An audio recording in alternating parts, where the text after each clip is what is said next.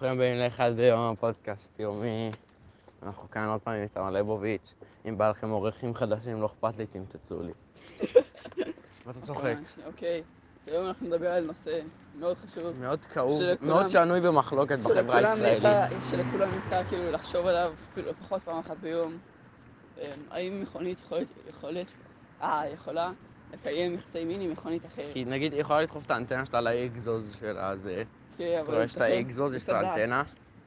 לדחוף. הבעיה שאיך היא תתהפך. כן, בדיוק, גם האנטנה היא. למעלה, והאגזוז ידעו למטה. נכון, זה ממש צריכה להתהפך.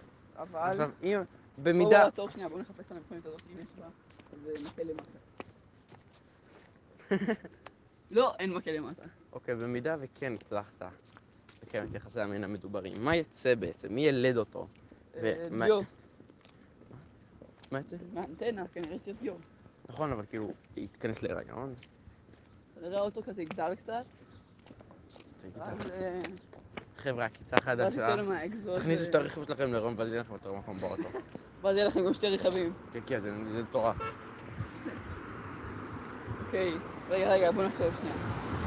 אתה לוקח את זה, לא, לא, אוטו בטח זה ממריץ יותר מהר, אז זה בטח כזה שלוש שבועות, אה, נכון. לא יותר חודשים. תלוי-. כמה כוחות סוס יש לאוטו. כן, בדיוק. ואז אה, יהיה מכונית קטנה כזאת. אה, עדיף מאותו מין, למה? כאילו, אתה לא רוצה עכשיו שילוב בין פרארי ל- לא, ברור. לניסן. אז עדיף. מאותו מין. פרארי, פרארי, מיצובישי ומיצובישי. כן, כמו בבני אדם. כמו סתם. בני אדם. נכון. חוץ אוקיי. מנפש ומוח אנחנו מתים הכל. אוקיי, זה נכון. כן. בקיצור, אמ, תחשבו על זה.